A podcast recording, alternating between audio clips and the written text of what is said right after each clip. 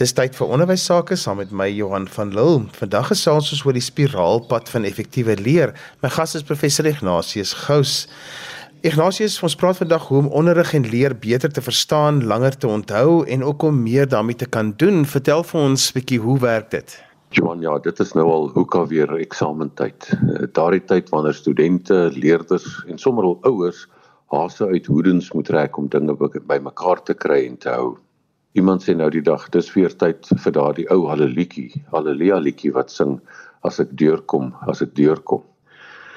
Nou ja, by werkswinkel wat ek by skole aanbied, vra ek gewoonlik vir hulle wat pla hulle? Waaroor wil die studente meer weet of die leerders meer weet en wat is dit wat die onderwysers die meeste pla in terme van leer en onderrig gee?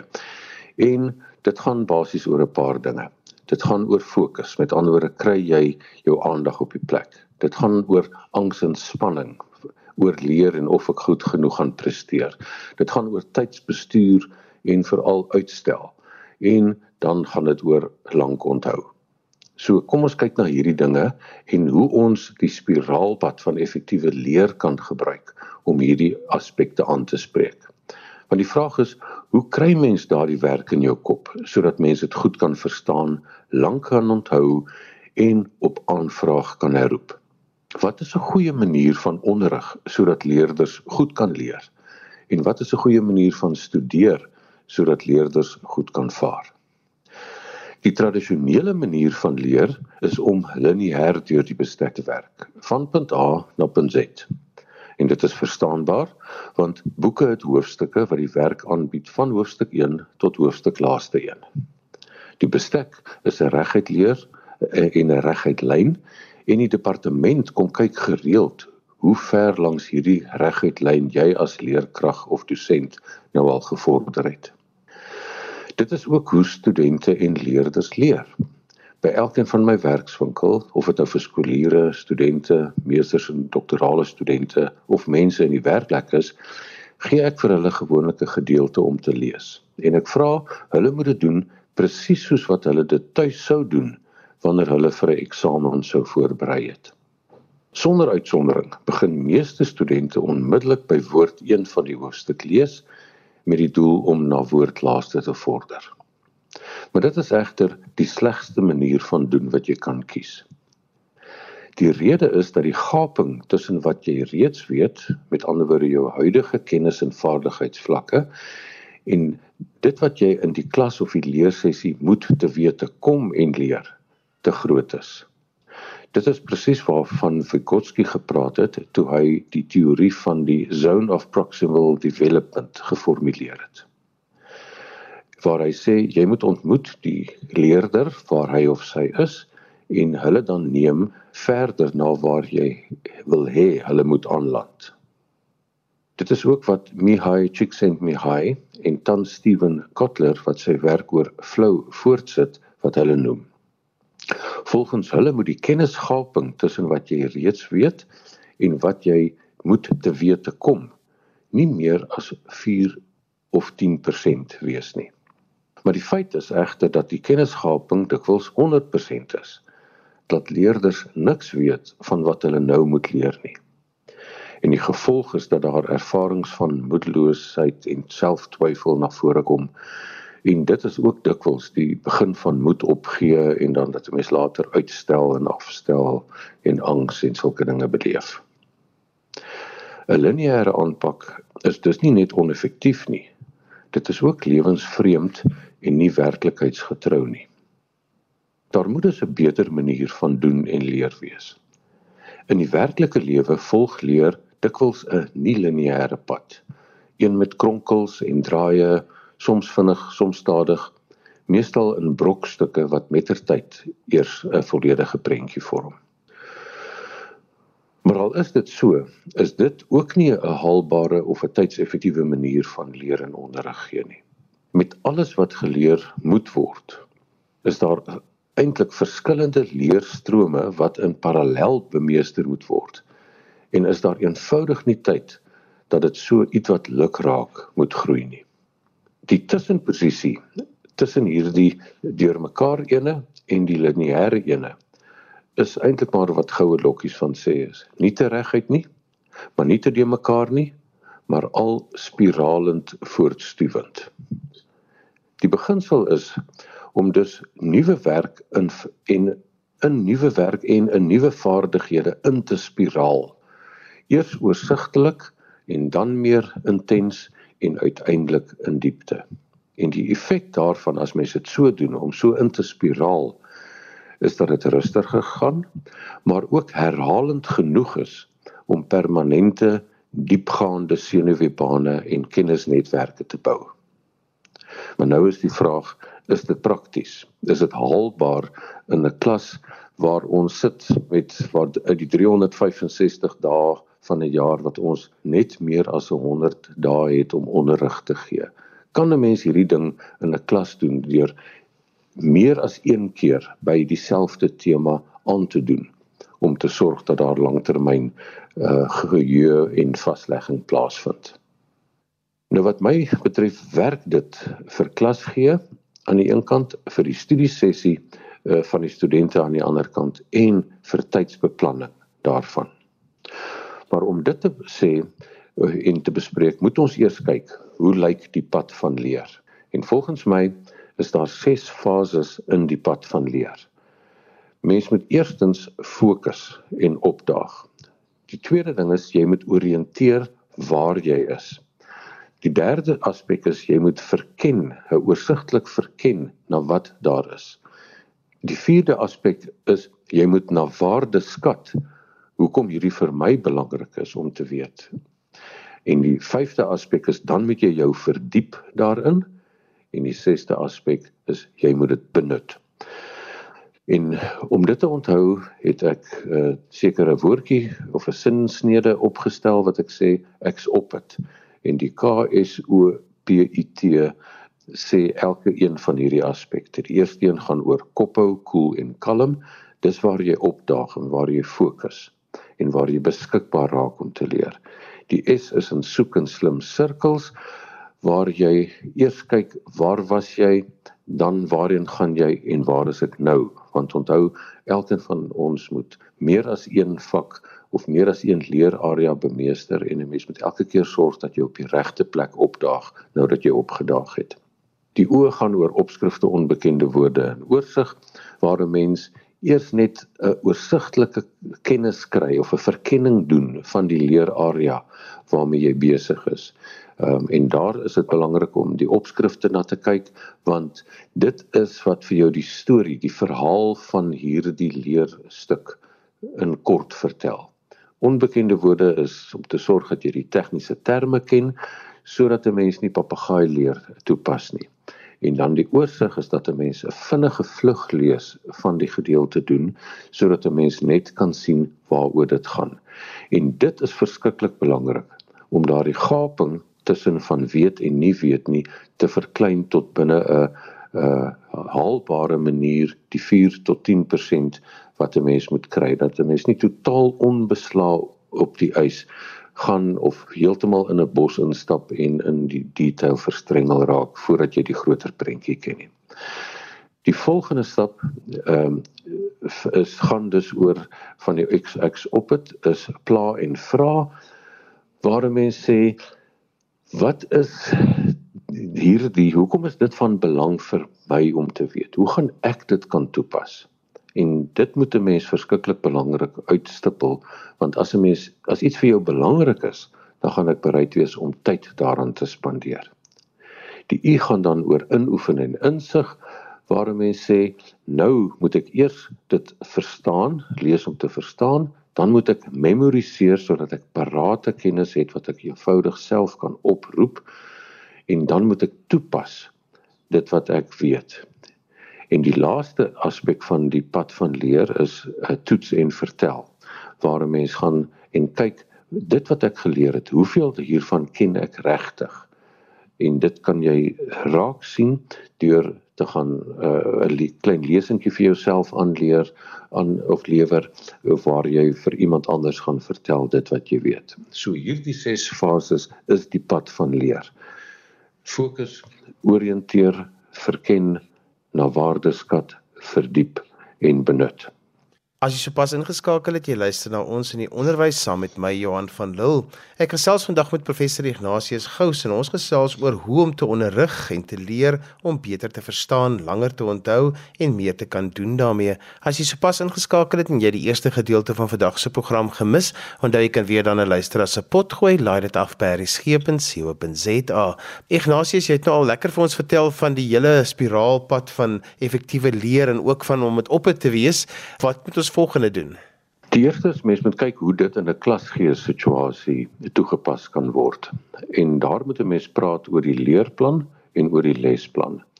In terme van die leerplan wat nou 'n lineêre pad volg van ek moet hier begin en daarmee uitkom voordat dit eksamen is, uh, voel 'n mens maar goed, mens moet eenvoudig reguit loop. Maar die probleem is as jy so klas gee dat jy hier begin en daar eindig, dan beteken dit wanneer 'n mens by 'n eksamen kom, is die eerste dinge so ver terug in die verlede dat 'n mens 10 teen 1 al daarvan vergeet het.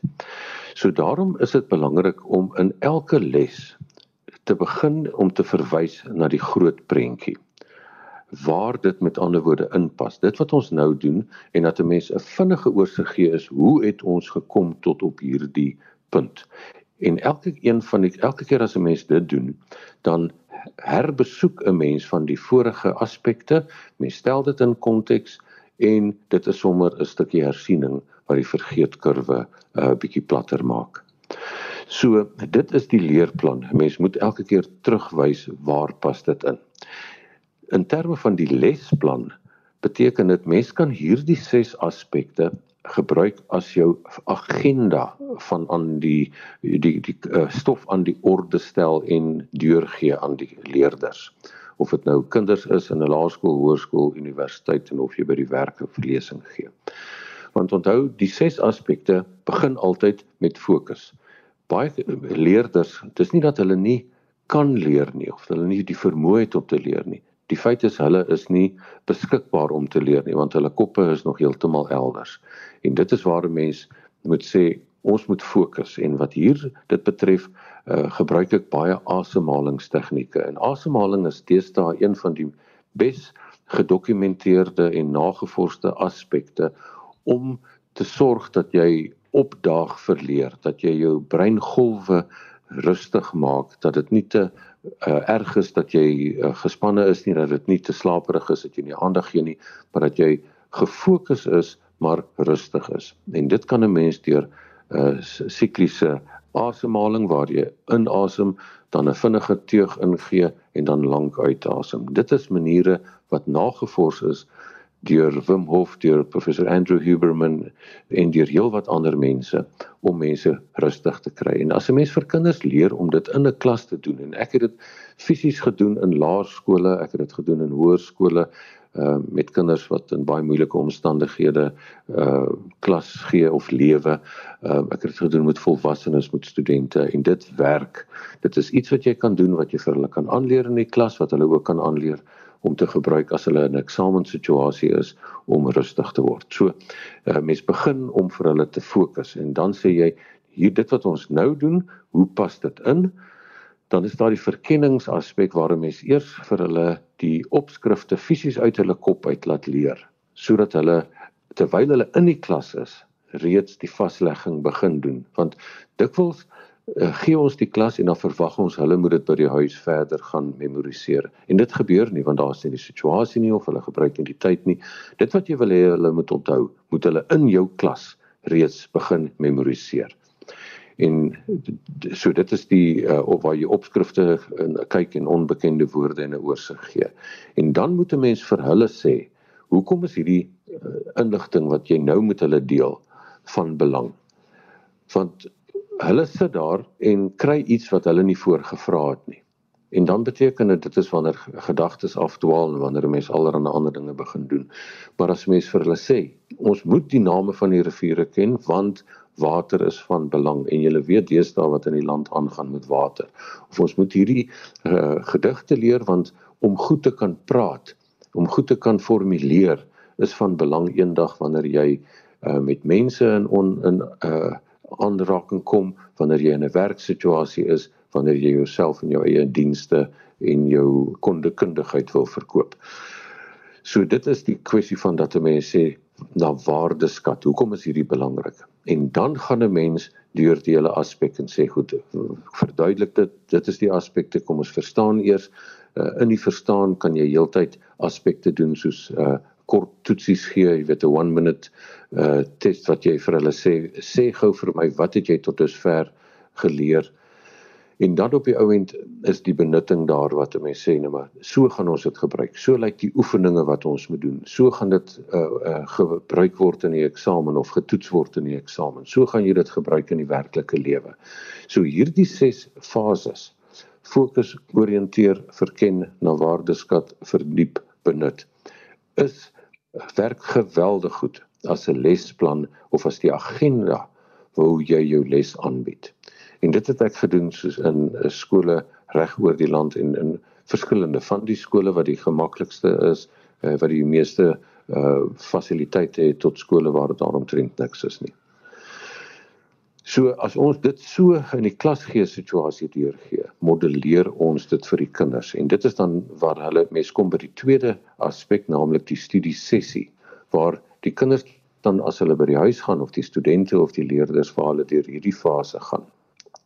En die eerste ene is hulle moet 'n kapsule vir hulle self skep waar hulle sê ek sit nou by die tafel, alles is gereed, ek weet wat is die bestek wat ek gaan doen, ek moet in hierdie uur sê net maar 10 bladsye doen. Ehm um, om deur die werk te kom en dan begin jy met jou asemhaling oefeninge om die regte breingolwe te kan kies wat jy nodig het om nou te leer. En dan gaan 'n mens deur die res van die aspekte uh wat deur die van die van oriënteer verken na waardeskat verdiep en benut. En die interessante is ek het die afgelope week twee studente gehad, een van graad 11 uh wat uh baie goed doen eintlik in meeste vakke, maar die een vak wat sy werklik mee sukkel, naamlik wetenskap of fisiese wetenskap, uh hou haar net eenvoudig nederig. En dieselfde met 'n veearts en hy student wat uh eerste jaar is wat ook met uh fisika of met chemie eintlik sukkel. En beide van hulle het deur hierdie tegnieke gebruik gebruik met 20% na net een gebruik van hierdie fases verbeter. Ehm um, en die een het gebruik ge, ge, verbeter van 45 na 67 en die ander een het van 57 na 'n onderskeiding 77 toe gegaan. So hierdie werk in die werklike fisiese lewe om vir studente te kry. Ons spiraal deur die werk want die beginsel hiervan is 'n enkele blootstelling aan werk gaan nie tot langtermyn geheue uh vaslegging en dan op uh, herroeping en toepassing kan lei nie jy moet 'n senuweebaan oor tyd bou deur uh, herhaaldelik daarby uit te kom en om herhaaldelik daaraan blootgestel te word. Dit lei tot 'n senuweebane en netwerk bou wat langtermyn effektiewe uh, bemeestering en gebruik daarvan kan daartoe kan lei. En dit kom op die ou en dan op die derde aspek van tydsbeplanning.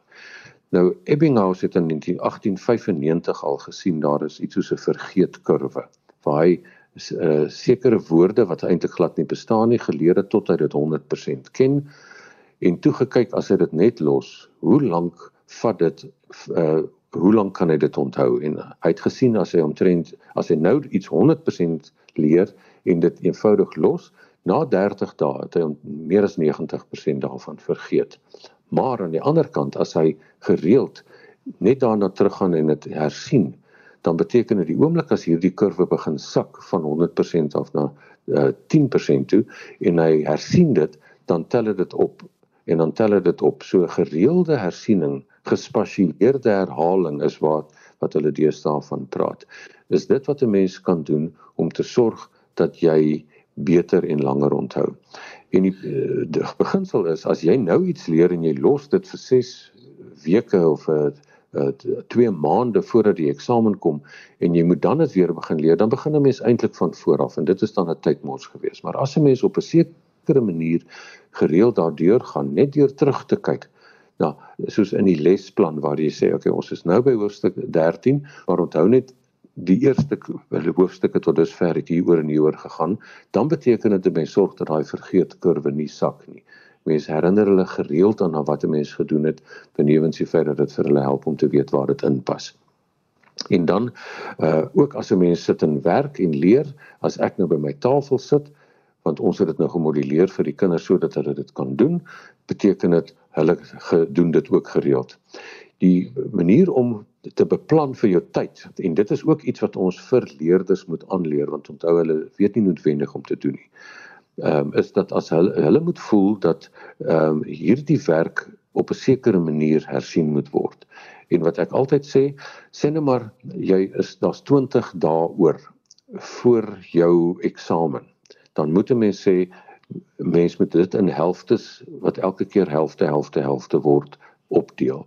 Waar jy sê ek het sien net maar 100 bladsye om voor te berei.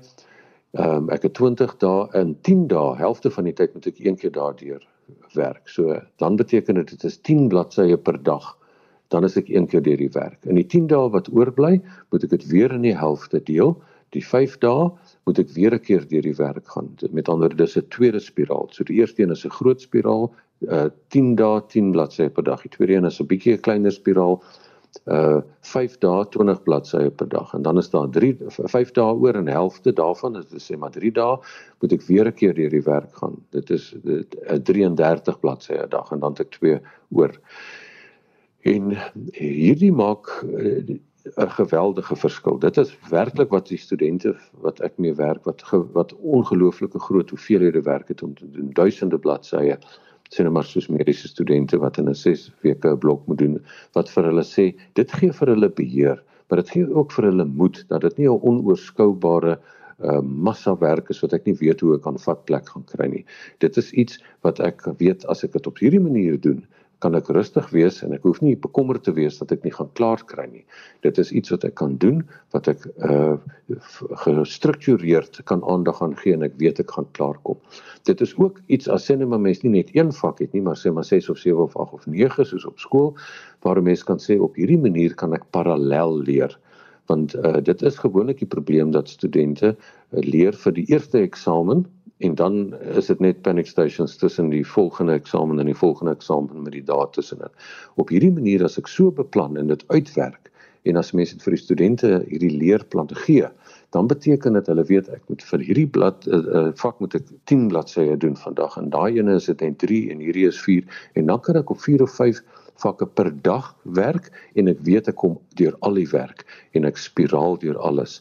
En dit is nie net 'n kwessie van dat ek nou skielik moet inprop leer toepas nie.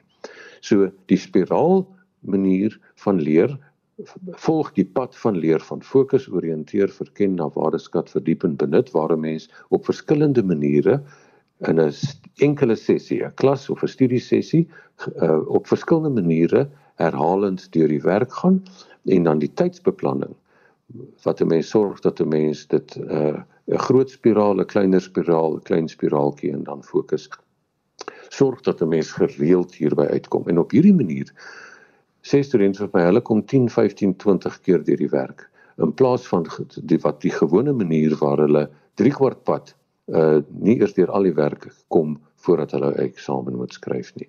Ignatius ons moet daar haltroep. Daar's 'n oulike webtuiste waar mense meer inligting kan kry en ook hoe mense met jou kan kontak maak. Gee vir ons al die details. Julle kan gerus gaan na die webblad futuresharp.co. So dit is toekoms skerp, dit is een woord futuresharp.co.